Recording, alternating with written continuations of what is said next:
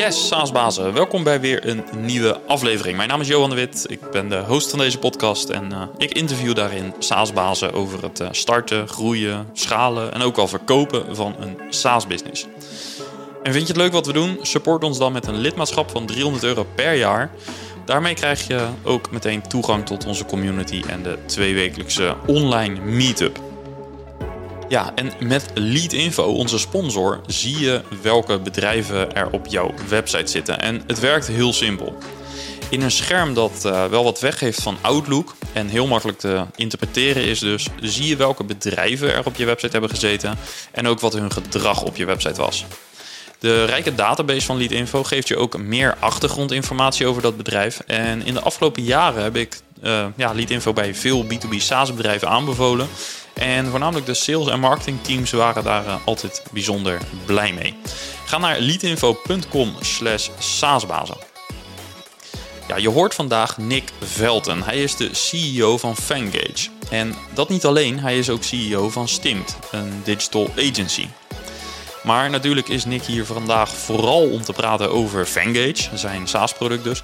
En hij runt die business samen met founder Sam Veld, voor de muziekliefhebber ongetwijfeld bekend als DJ. En ik praat met Nick over zijn uitdagingen als SaaS-baas. Hij vertelt onder andere hoe hij die twee bedrijven combineert. En we hebben het over de investeringsronde die hij recent heeft, uh, heeft opgehaald. Ik zou zeggen, laten we naar het gesprek gaan. Enjoy! Ja, Nick, welkom. Hallo. Ik uh, volg jou een beetje op Instagram uh, via het SaaSbazen-account. En uh, je komt op mij over als iemand die niet heel graag op de bank zit. Klopt dat? Nou, op zich wel, maar wel met laptop. Ja, precies. Ja, ja. nou dat heb ik inderdaad wel een paar keer gezien. Ja. Je bent wel altijd uh, veel bezig. Ja, ja, ik hou wel van werken. Ja. Dat is wel passie. Ja. Nou, dat komt goed uit, want je bent ondernemer en eigenlijk uh, doe je meerdere dingen. Fangage en Stimt. We gaan het vooral hebben over de eerste, Fangage, SaaS-bedrijf. Uh, zullen we daar gewoon maar eens mee beginnen? Wat, wat doen jullie en welk probleem lossen jullie op? Fangage is een start-up en uh, we zijn eigenlijk uh, een, een, een, platform waar iedere creator een website kan aanmaken. Uh, en daar uh, content op kan verspreiden die fans kunnen unlocken door ja, een account te maken. Dus eigenlijk geven ze ook hun data en ROFO content van de creator. en op die manier bied je eigenlijk een soort van ja, verzamelplek voor je superfans. die, die graag die content willen, die ook een soort community krijgen daar. En als creator kun jij dus die data van je fans verzamelen. Je weet wie je fans zijn. Je kan ook met die fans engagen, dus ze benaderen. Um, en op die, manier bieden we eigenlijk een soort van ja, extended website voor creators. Um, en ja, je kan het eigenlijk een beetje vergelijken met een, met een, ja, een OnlyFans, maar dan in een non-adult. Uh, waarbij wij nog echt wel een stap verder gaan. Dus het businessmodel is redelijk vergelijkbaar. Alleen bij ons krijg je dan ook echt je eigen website, dus helemaal fully branded. En dat doen we voor uh, heel veel type creators, van muzikanten tot uh, ja, in de sports, e-sports, uh, modellen die, die, die het gebruiken. Eigenlijk iedereen die fans heeft en content heeft, die zet Fangage in. Dus ik vergelijk ons ook een beetje met een soort Shopify. Wij zijn dan de software erachter, ja, ja. niet een platform als een Instagram of OnlyFans. Ja, en uh, zo'n artiest, bijvoorbeeld een, een, een, DJ of zo, die heeft al uh, allerlei social media kanalen waar die content op kan delen. Wat is het verschil uiteindelijk met uh, jullie?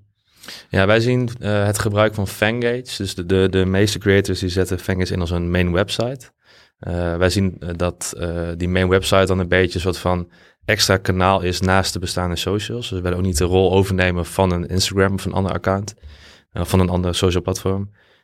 en wij zitten dan een beetje aan het einde van de funnel. Dus het is eigenlijk het idee dat je dan ja, je, je fans van de bestaande platformen naar je website krijgt. En ze daar de content laten, ja, laten unlocken. En dan ook echt te weten komt wie je fans zijn. Ik denk dat dat een beetje het idee is van... Ja, op je bestaande kanalen heb je wel heel veel volgers en engagement, maar je weet niet wie echt je fans zijn. En als je dan ook nog die fans wil bereiken, of ook nog heel gericht, gericht wil bereiken, dan kan dat niet, of je moet betalen. Ja. En het idee bij Fangage is dat je ze dan ja, naar je eigen website krijgt en daar die data verzamelt en dan ook heel erg gericht uh, die fans uiteindelijk kan bereiken. En dat is ja. wat jij als creator wil, maar ook wat de fan eigenlijk wil. Ja, en hoe is het idee ontstaan? Um, het idee kwam van Sam Veld. Hij is een uh, uh, bekende artiest. Uh, ik heb ooit bij Stimt, ehm, de agency zeg maar, zijn website gemaakt. Ik had toen drie, ja, drie artiesten een bericht gestuurd op Facebook van...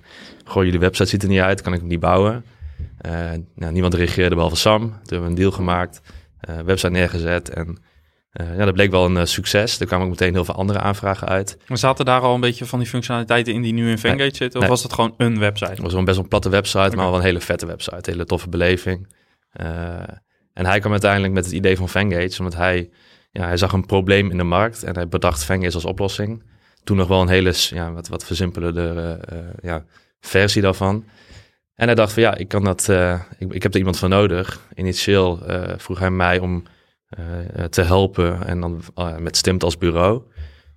maar ja, dat bleek al later van ja, als je dat wil gaan doen, moet je wel echt, ja, je moet gewoon samen gaan doen, anders gaat het niet lukken.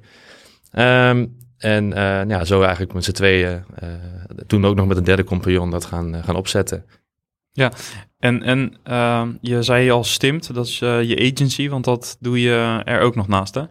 Ja. Dus ja. je bent ook agencybaas. Ja, ja klopt. Ja. ja. Wat doen jullie daar? Stimt is een agency die zich vooral richt op design en development ehm, van websites, webshops en webapplicaties. en dan eigenlijk alleen open source. Dus wij werken heel veel met Craft, WordPress, WordPress wel op een hoog niveau. Niet, uh, niet het hobbywerk. Uh, Geen templatejes nee, tweaken. Nee, nee, nee, zeker niet. veel Magento, Magento moet ik zeggen. en ook Laravel. Ja, dus eigenlijk balanceer je die twee. Want je hebt bij beide een, ja, een co-founding functie of CEO, hoe je het wil noemen. Um, hoe balanceer je die twee dingen naast elkaar? Want ik heb heel veel softwarebedrijven of heel veel agencies gezien die beginnen een keer met een tooltje. Dat is bijvoorbeeld een tooltje voor interne CRM of een mailing systeempje of dat soort dingen. En dan vroeg of laat. Uh, veel agencies die zijn bezig met ja, hoe kunnen we meer uh, recurring revenue creëren. Dus dan uh, denk je ja, dan gaan we dat als SaaS-oplossing aanbieden. En dan een jaar in, twee jaar in, dan komen ze achter dat het zo fundamenteel anders is. En wordt soms de stekker eruit getrokken of nou, gebeuren er andere dingen.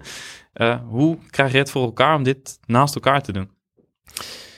Ja, dat is een goede vraag. Ik zie het inderdaad ook wel eens misgaan. Uh, en die vraag krijg ik ook vaker. Eh, maar um, ja, ik denk dat aan de ene kant niet makkelijk is. Dus je moet het wel kunnen en leuk vinden en daar zo een soort van weg in vinden. Uh, ook nog omdat uh, in Amsterdam zit en Stimt zit met het hoofdkantoor in Enschede. Dus ik pendel ook nog één keer in de week op en neer, één of twee dagen. Maar ik denk wel dat het heel belangrijk daarin is, is dat uh, Stimt al wel best wel een gevestigd bedrijf is, wat heel stabiel draait en stabiel groeit. Dus er zit gewoon een heel goed team op, uh, waarbij ik zelf niet meer in de operatie of in de projecten zit, wat ik vroeger wel zat. Um, dus ik ben daar ook wel wat meer naar de zijlijn al gegaan, een aantal jaren geleden. En ik denk wel dat ik dat het leukst vind en dat ik dan ook wel op die manier het meest voor het bedrijf kan betekenen. Um, alleen dat heeft wel heel lang geduurd. We zijn twaalf jaar geleden begonnen. Uh, of ja, gestart, nooit met het idee van we gaan een bureau beginnen. Het is gewoon uit de hand gelopen eigenlijk. En um, ja, dan, dan uh, op een bepaald moment dan krijg je wel de juiste, de juiste mensen op de juiste plekken die het veel beter kunnen dan ik. En ik ben geen specialist, ik ben een generalist, ik ben ondernemer.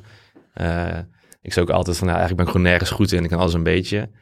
Maar dat is misschien ook wel een beetje de, de, de sterkte. Ja, ik kan ook niet bijspringen op design of op frontend of op backend.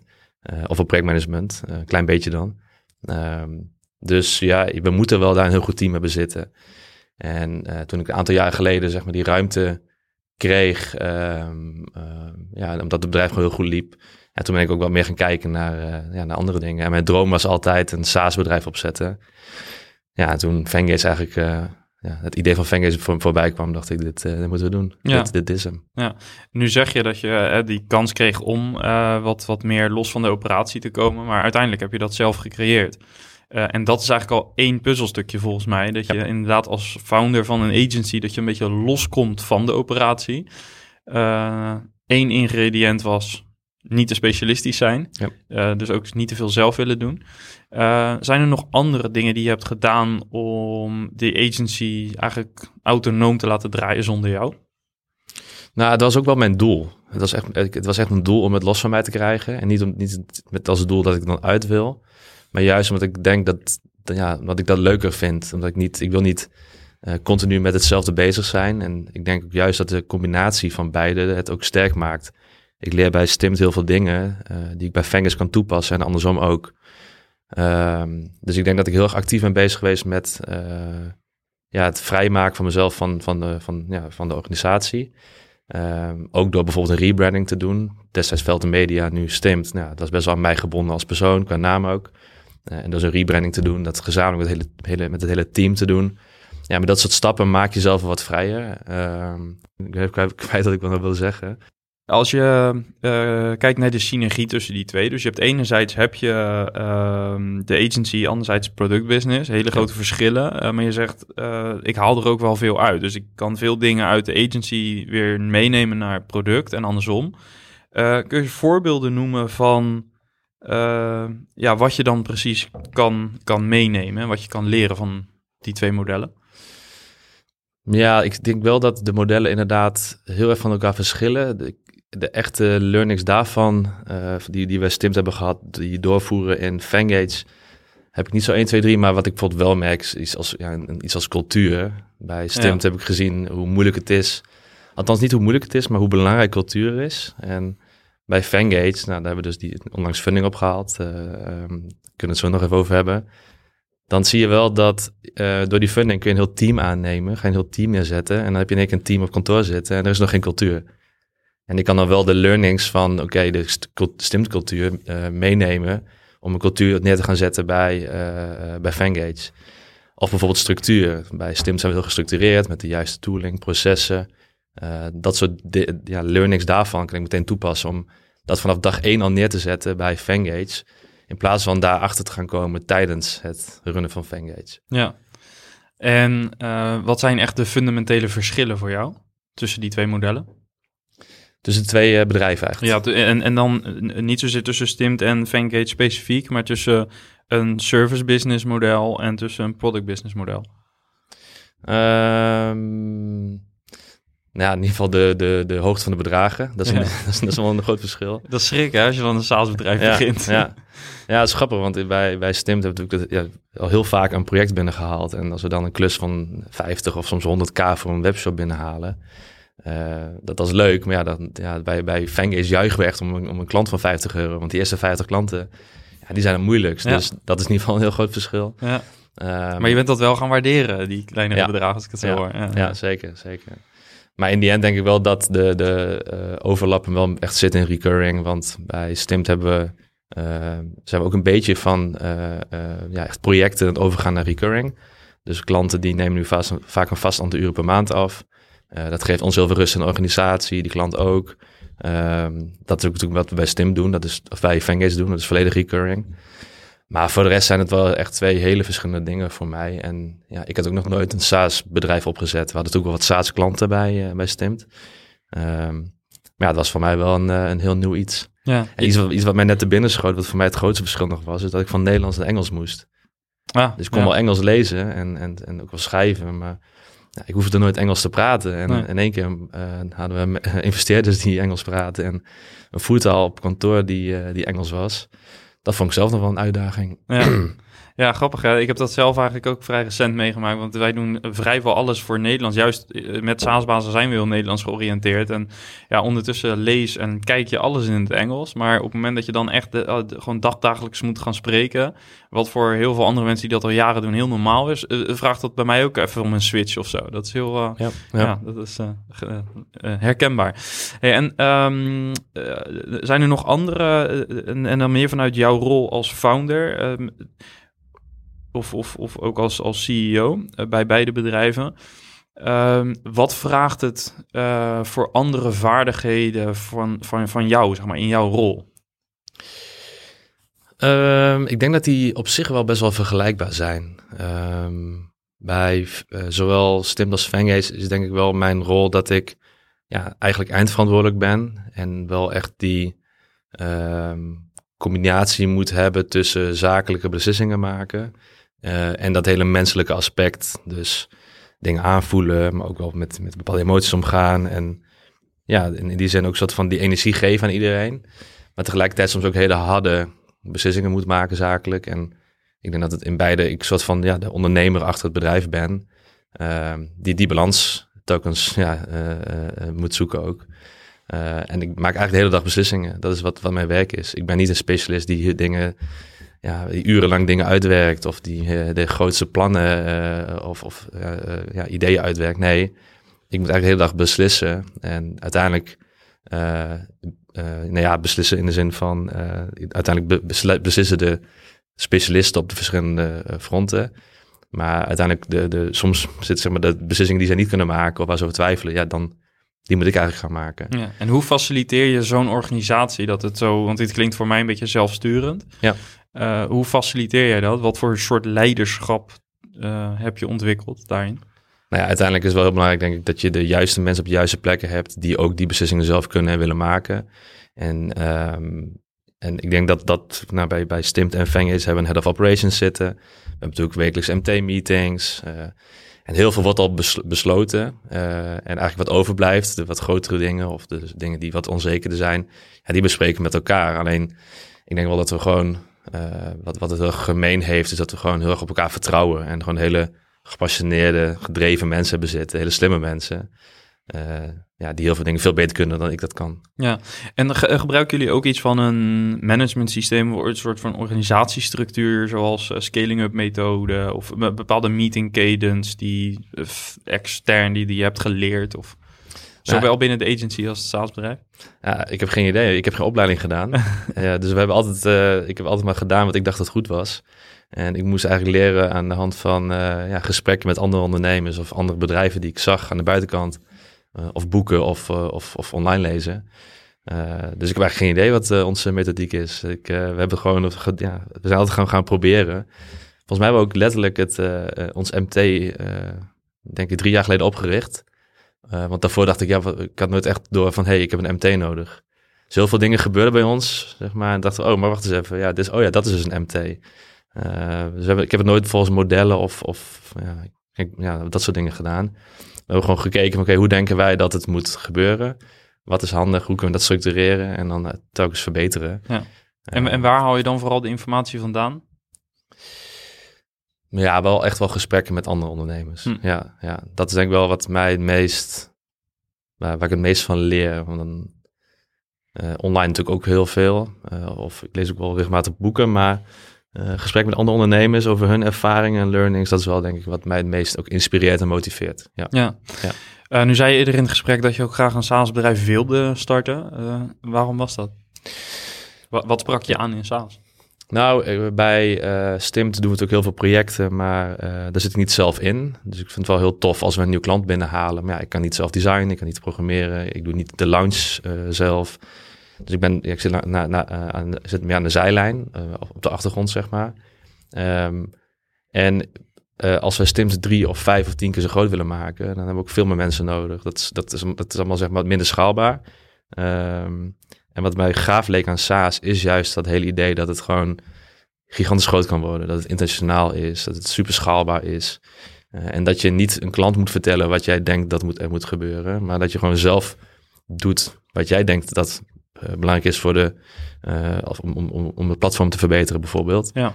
Ehm, en dat, dat, dat trok mij heel erg. Dat Dus niet meer de maatwerkgedachte, maar een best practice maken en daar heel veel mensen mee blij Ja. maken. Ja, Ja. Dat als ik s'avonds denk van hé, hey, ik ga wat verbeteren, dat ik het gewoon kan doen zonder te overleggen. Ehm, in plaats van dat ik de klant moet zeggen, hé, hey, ik denk dat je hiermee meer conversie gaat halen. We hebben wel eens klanten gehad bij, eh, bij Stimt waarvan we ook zeiden, hey, als je dit gaat verbeteren, dan eh, kunnen we je bijna garanderen dat je zo, zoveel extra omzet gaat draaien. En dan zei de klant van ja, of ze waren het niet mee eens, of ze hadden de, de, de, de voorraad niet in orde, of er waren andere redenen. En bij Fengers heb je eigenlijk alles zelf in de hand. Het is ons bedrijf, we hoeven eigenlijk aan niemand te verantwoorden. En wij doen wat wij denken dat goed is. En dat zie ik allemaal direct dan terug in, eh, in de conversie. Ja. En ehm, eh, hoe ziet eh, je rol met eh, Sam er nu uit? Hoe is die rolverdeling? Sam zit echt wat meer aan de. ehm, ja, Sam is, echt strategisch. Hij is gewoon, eh, ja, weet heel veel marketing. eh, Hij is ook echt een ondernemer. Eh, en hij zit meer op de relaties met de investeerders. En hij komt met de ideeën. Hij kent de markt. Hij heeft een netwerk in. Hij heeft het probleem zelf ervaren. Ja, ja, ja, hij is ook de, de, nog steeds de klant die, eh, van Fangate die het, het echt supergoed inzet en ook echt heel veel uithaalt. Dus wat dat betreft ook meteen onze beste case. Ja. Ehm, en ik zit wat meer aan de kant van het product, het team, de structuren. Dus ik zeg ook altijd van, ja, ik hang om het team heen en Sam hangt daar weer omheen. En ik denk dat Sam en ik eigenlijk heel veel gemeen, eh, gemeen hebben. Eh, qua drive en ook wel de online ervaring. En vinden online ook heel vet. Ehm, maar dat we ook in heel veel dingen complementair zijn aan elkaar. En dat dat het juist wel sterk maakt. Ja. Ja, ja. Eh, nu heb jij ook een soort, soort Steve Jobs scenario meegemaakt. Kan je daar iets over vertellen? Ehm, ja, dan doe je dus op dat, eh, dat ik ook nog weggegaan ben bij, eh bij Fangage. Ehm, Ja. ja. dat had ermee te maken dat we het ooit met z'n drie zijn begonnen. En eh, na een tijdje bleek dat nou, de derde co-founder en ik niet ja, de- op één lijn lagen. Ik had het idee dat hij eigenlijk vaak naar links wilde, ik naar rechts. En nou, uiteindelijk voor mezelf de keuze gemaakt van ja, ik wil dan niet op die manier verder.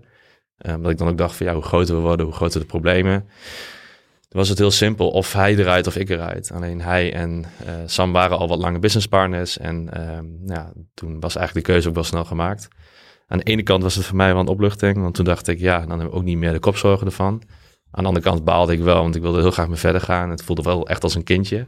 Ehm, nou, later nog, zijn er nog wel gesprekken geweest. Hey, kunnen we niet toch een keer met elkaar weer eh, in zee gaan? Maar dat was voor mij, voor mij geen optie toen.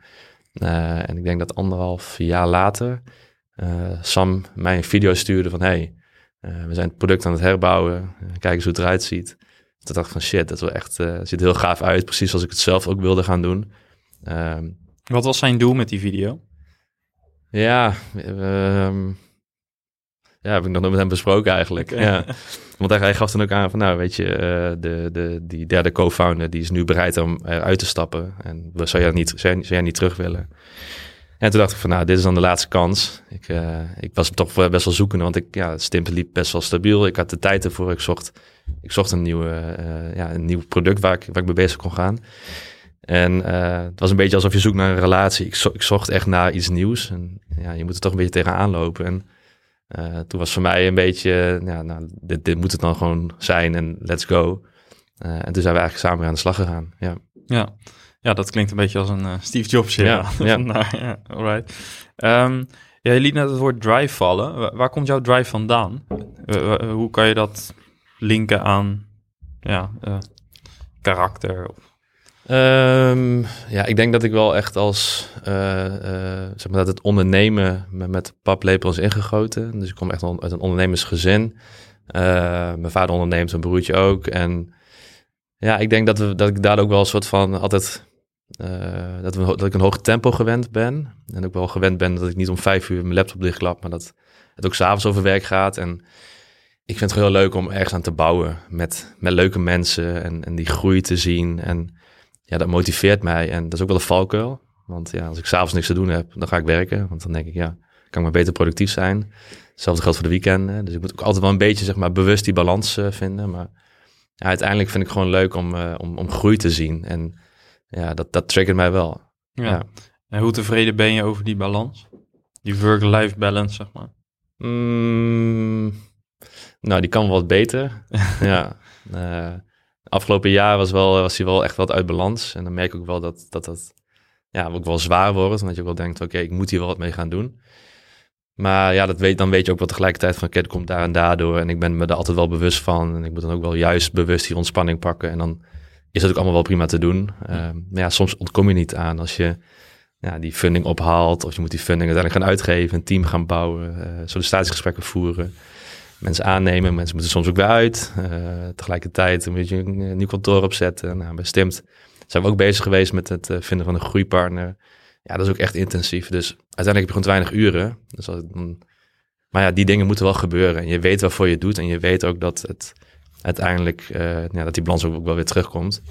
Maar ja, na, na, na zeg maar een half jaar, drie kwart jaar, eh, zeg maar die balans niet in orde hebben, merkte ik wel dat ik met slaap en, en stress en vooral ook scherpte en focus, dat, dat het wat minder werd.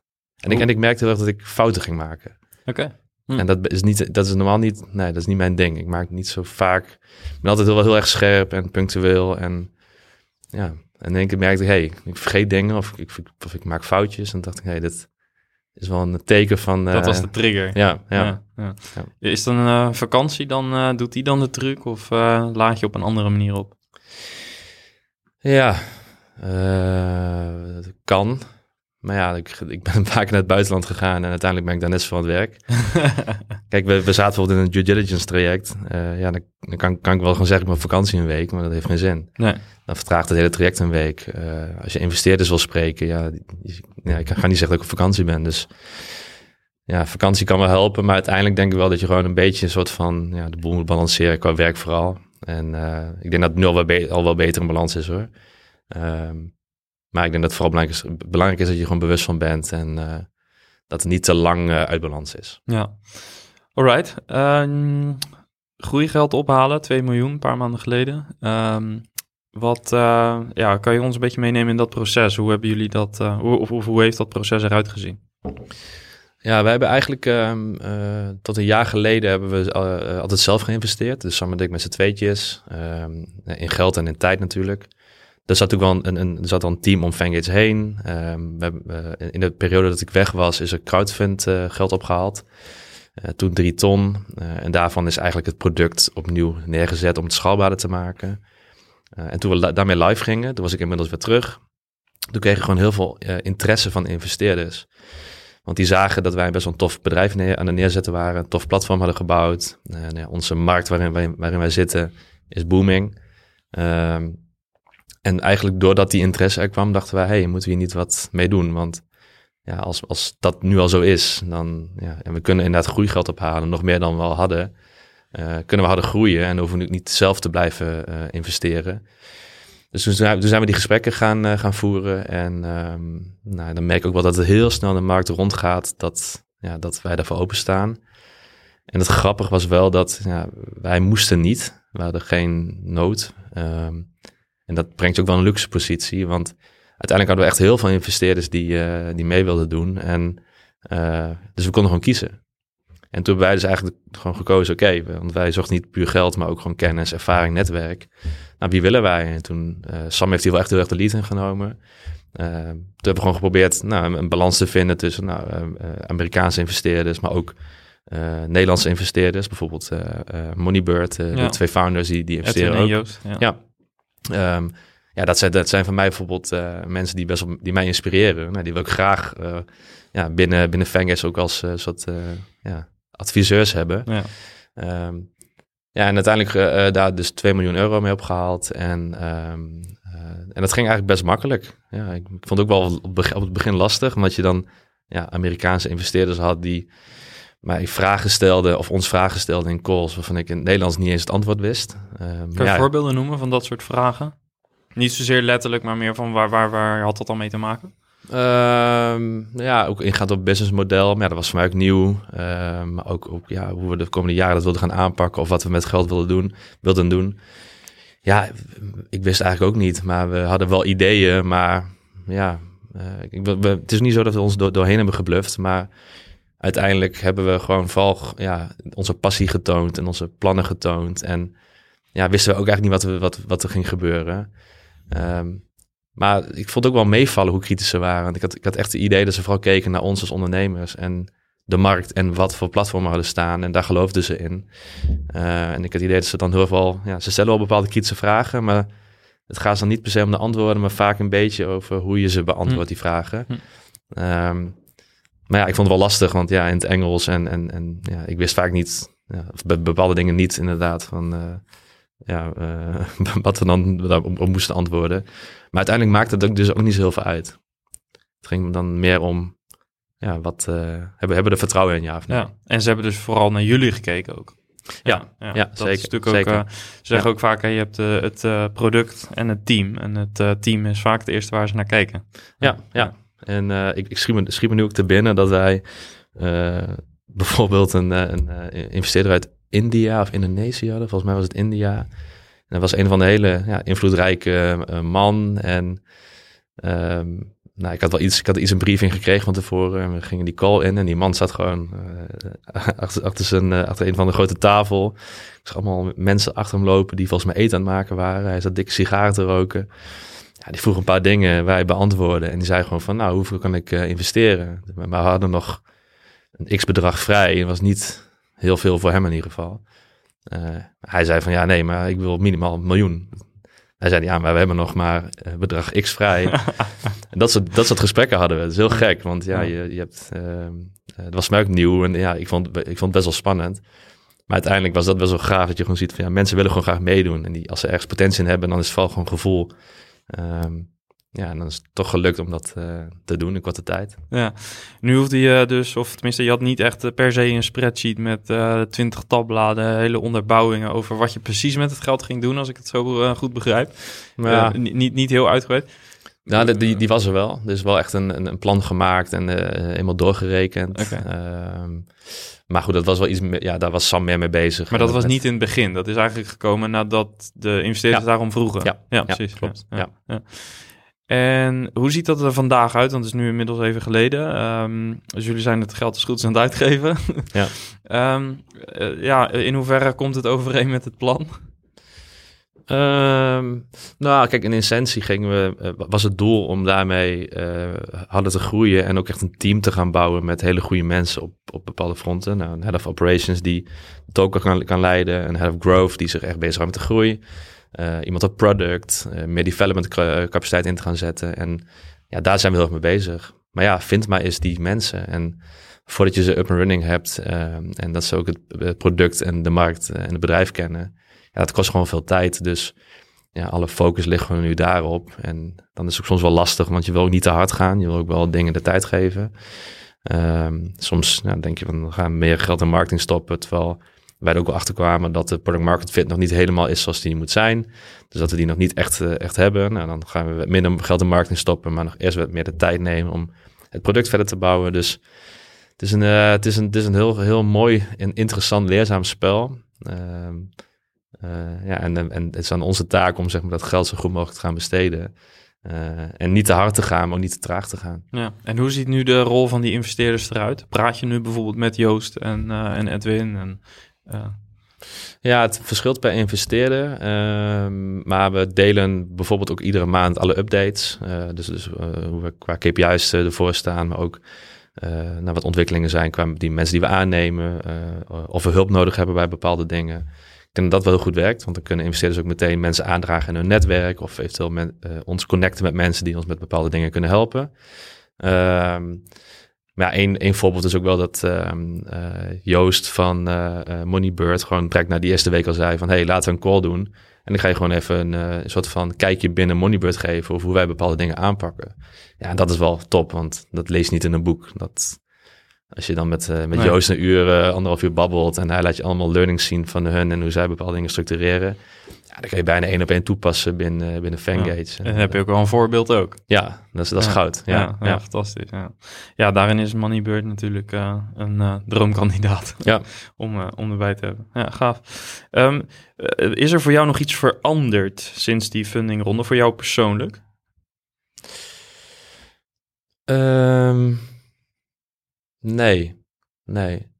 Ik kan me voorstellen dat uh, dat uh, in vergelijkbare gevallen wel zo, zo zou zijn, omdat er dan extra druk ontstaat. Alleen die voel ik niet. Ik voel geen extra druk, want ik heb wel echt zoiets van: oké, uh, zolang we ons best doen en, en erin geloven en ervoor gaan, en dat geldt ook voor Stimt, dan, dan ja, dat, meer kan je niet doen. En ja, tuurlijk, het is wel wat lastiger geworden in bepaalde opzichten dat je een heel team moet gaan neerzetten. En uh, soms ook bezig moet zijn met dingen waar je niet, niet bezig mee wil zijn. Alleen, ja, het is niet. Ja, dit voor, nee, voor mij weinig veranderd in, in persoonlijk opzicht. Behalve dat ik vorig jaar echt gewoon helemaal geen tijd meer over had. Tijd, tekort kwam. Uh, ja, ik, ja, nee, ik, ik, heb eigenlijk alleen maar meer energie gekregen. Omdat ook nog wel uh, dat het echt een teken was dat er gewoon heel veel vertrouwen is in ons als mensen, als, als ondernemers, ons bedrijf en product. En uh, ja, dat geeft, dat geeft wel weer extra energie om daarmee verder te gaan. Want we draaiden echt nauwelijks omzet toen. En toen hadden we al die 2 miljoen binnen. En volgens mij hadden we nog wel veel meer miljoenen kunnen ophalen. Want ja, we, ja. we, hebben letterlijk investeerders moeten afzeggen. En naar wat voor soort uh, tractie keken ze? Want meestal een investeerder wil op een bepaalde manier tractie zien. Als dat nog niet uit de omzet komt, dan kijken ze meestal naar andere dingen. Wat ja. waren dat bij jullie? Nou, bijvoorbeeld gewoon het aantal sign-ups. Hm. Um, dat zijn inmiddels volgens mij 4000, ruim 4000. Uh, dus dan hebben meer dan 4000 creators een website aangemaakt. Ja, dat soort pijlers, daar kijken ze naar. Ze kijken niet naar wat je nu je omzet is, want ja, dat, dat zijn hele, ja, dan krijg je een heel vertekend beeld. Um, maar ook wel een beetje denk gewoon naar, naar, de, eh, naar de markt vooral. Want je ziet wel gewoon met een OnlyFans en Patreon. Ja, dat soort bedrijven groeien keihard. Ja. Ook andere uh, spelers als een Petje Af in Nederland. Ja. Ehm, ik denk dat ze ja, echt naar de combinatie kijken van... oké, ondernemers erachter, de markt, wat staat er ook qua product. We hadden echt heel veel tijd en ook geld geïnvesteerd in het, in het product. Ik denk ook echt dat dat qua design, UX... maar ook qua schaalbaarheid, techniek... Um, echt al heel goed in, goed in elkaar steekt. Uh, en en in, ja, dat, dat samenspel, zeg maar, dat, dat, uh, ik denk dat dat wel heel erg uh, aanspraak bij investeerders. Ja, ja. alright. Um, tot slot, wat, wat is voor jou terugkijkend op je hele ondernemerscarrière, dus inclusief STIM, wat is voor jou de meest uitdagende situatie of periode geweest? Mm. Ja, ik denk wel dat het bij uh, ja, die, die, die drive en die energie houden is denk ik wel heel erg belangrijk. Uh, want ik kan me ook wel herinneren dat ik wel eens bij Stimt ook heb gedacht van ja, wat vind ik nou leuk en wat moet ik nou doen en dat je wel zoekende bent. En uh, ja, die energie erin houden is denk ik wel erg belangrijk. Kijk, bij Stimt hebben we ook altijd zelf mensen opgeleid. Bij Fengis nemen we nu eigenlijk allemaal mensen aan die al zijn opgeleid en die het ons nu moeten vertellen. Um, en dat leer, daardoor leer ik bij Fengis ook nu heel veel. Maar bij Stimt uh, moest ik de andere dingen leren. Terwijl ik ook niet was opgeleid, zeg maar. En ik wilde ook juist een beetje wat meer leren. En uh, nou, ik weet ook dat voor het eerst iemand binnenhaalde bij Stimt die uh, ja, echt wel wat meer ervaring al had. En dat ik toen nog dacht bij mezelf van ja shit, gaat dit al werken? Dat is ook best wel een gok. Ja, die persoon leidt dan nu het bedrijf eigenlijk. Um, en nu met de groep die we, die we gaan vormen, dat is wat we dan net naar buiten hebben gebracht, ja, dan ga je samen optrekken met andere ondernemers. Ja, dat geeft heel veel nieuwe energie. En ik denk dat dat zeg maar wel dingen zijn van, daar moet je, wel, je moet wel mee bezig blijven. Je moet niet continu zelf blijven, blijven doen of blijven hangen in, in dat je dan die energie niet krijgt, maar dat gaan oplossen. Ja, want wat, wat is jouw persoonlijke ambitie? Ik vroeg al naar, natuurlijk een beetje naar de BIAC van Vengage, maar wat, wat is voor jou persoonlijk uh, je stip op de horizon? Ja, ik wil gewoon fun hebben met leuke mensen, leuke, leuke klanten, leuke projecten. Dat we gewoon uh, dingen bouwen en die dan ook echt gaan werken. Ja, daarvoor kom ik mijn bed uit. Dus niet, niet, niet, ik ben niet financieel gedreven of wat dan ook. Ik wil echt gewoon, uh, gewoon lol hebben. En dat is denk ik wel een beetje wat bij beide bedrijven ook wel het ding is in, in onze cultuur. Het is gewoon heel plat, heel, heel, heel gezellig. Uh, elkaar vertrouwen, geen, geen hiërarchie. Dat ja, iemand uh, zegt wat de ander moet doen, dat, dat, dat, dat past niet bij ons, bij beiden niet. En, uh, en ik vind het juist leuk om gewoon s'avonds een keer met ja, iemand te, te brainstormen ergens over. Nou, ik ga morgen met Sam de hele dag gewoon een Fengis knallen. Dan gaan we letterlijk samen in, uh, in Webflow de Fengis site op de schop nemen. Cool. Ja, dat vinden we gewoon tof. En ik denk dat dat een beetje die, misschien een beetje die Twentse nuchterheid is. Ja, ik, beetje, hij zat in mijn hoofd. Ik denk, ja, dit is bijna een beetje Twentse nuchterheid. En met aan de andere kant ook wel... Um, nou, uh, de, de start-up klima, het start-up klimaat uh, met de energie die erin die uh, in de Randstad ja, ja.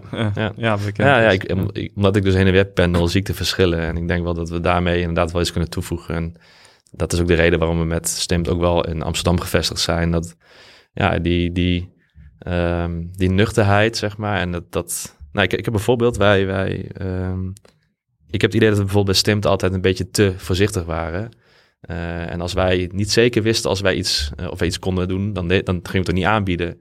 En ik merk in het Westen wel erg dat, dat ja, dan wordt het gewoon verkocht en dan zien, dan zien we daarna wel wat er gebeurt. En ik denk dat je, van, dat je zeg maar een beetje tussenin moet zitten. Je moet ook niet uh, ja, te uh, bescheiden zijn in sommige dingen. En ja, die learnings kan, kan ik dan ook wel weer toepassen binnen bij de bedrijven. maar in die end denk ik wel gewoon dat we altijd voor lange termijn gaan. En ook gewoon ja, niet, niet voor de korte termijn keihard groei willen gaan, maar gewoon het heel erg ja, duurzaam gestructureerd willen doen. En um, ja, dat is wel denk ik de, de, ja, wat in beide bedrijven nu ook wel echt zit en wat ik gewoon ook wel leuk vind. Cool. Ja. Het uh, klinkt alsof je uh, inderdaad uh, in je element zit in beide werelden. En ja. ja, nogmaals, dat vind ik tof om te zien. Um, ben ik nog vergeten iets te vragen? Is er nog iets wat je wil delen? Een bepaalde tip of iets met de luisteraar? Een ervaring? Nee, ja. Um, ja, tips weet ik zo niet. Ik denk alleen wel dat. Uh, wat, nee, waar, ik wel benieuwd naar ben, is of. Uh, ik ben wel benieuwd naar feedback. Ik hoor, ook, ik hoor graag wat beter kan. Dus bijvoorbeeld ook bij Fangates uh, vind ik dat leuk om, om van anderen te horen van... hey, ik denk dat dit anders moet of ik zag dit probleem. Dat vind ik altijd wel interessant. En ook bij STIM is, geldt dat hetzelfde. We willen gewoon verbeteren en groeien. En, dus daar sta ik altijd wel voor open. En, ja, en, en, als tip misschien dat... Ja, ik zie ook wel eens om me heen dat iemand wil gaan ondernemen... omdat hij dan bijvoorbeeld graag een bedrijf wil... of omdat hij graag geld wil verdienen. Ja, ik denk dat dat uiteindelijk nooit gaat werken. Ik denk dat de, alle succesvolle ondernemers uh, waarbij, waarbij ik nu zeg maar een beginnend succesvol ondernemer ben. Iedereen doet dat omdat hij gewoon passie heeft voor, voor wat, hij, wat hij aan het doen is. En dat kan uiteindelijk resulteren in dat je een, eh, een succesvol iets neerzet. En um, ja, niet omdat je graag uh, een, een, team wil aansturen of een bedrijf opzetten. Nee, en uiteindelijk geld zou het scorebord uh, moeten zijn, ja. zeg maar. Ja, ja. ja check. Ja. Alright, bedankt daarvoor. Thanks. Geen dank. Yes, en dat was dus mijn gesprek met Nick. Ja, en wil jij je SaaS-bedrijf goed, en, uh, uh, ja, goed organiseren? Ga dan uh, naar employees.nl om te zien hoe ze jou kunnen helpen met salarisadministratie. Want als jij dat nog steeds met de hand doet en als je nog steeds een mailtje stuurt aan het eind van een maand met alle ja, salarisinformatie en contracten, ga dan eens naar de software van Employees. Want daarmee regel je je volledige personeelsadministratie in een paar minuutjes online. En je kunt het heel makkelijk zelf proberen. Dat kan gratis. Uh, via employees.nl zie je uh, hoe dat werkt en uh, ontdek je dus hoe je contracten, loonstrookjes en declaratie en verlofaanvragen volledig digitaal kunt verwerken. Ja, en wederom erg bedankt voor het luisteren. Tof dat je weer helemaal tot het einde hebt geluisterd.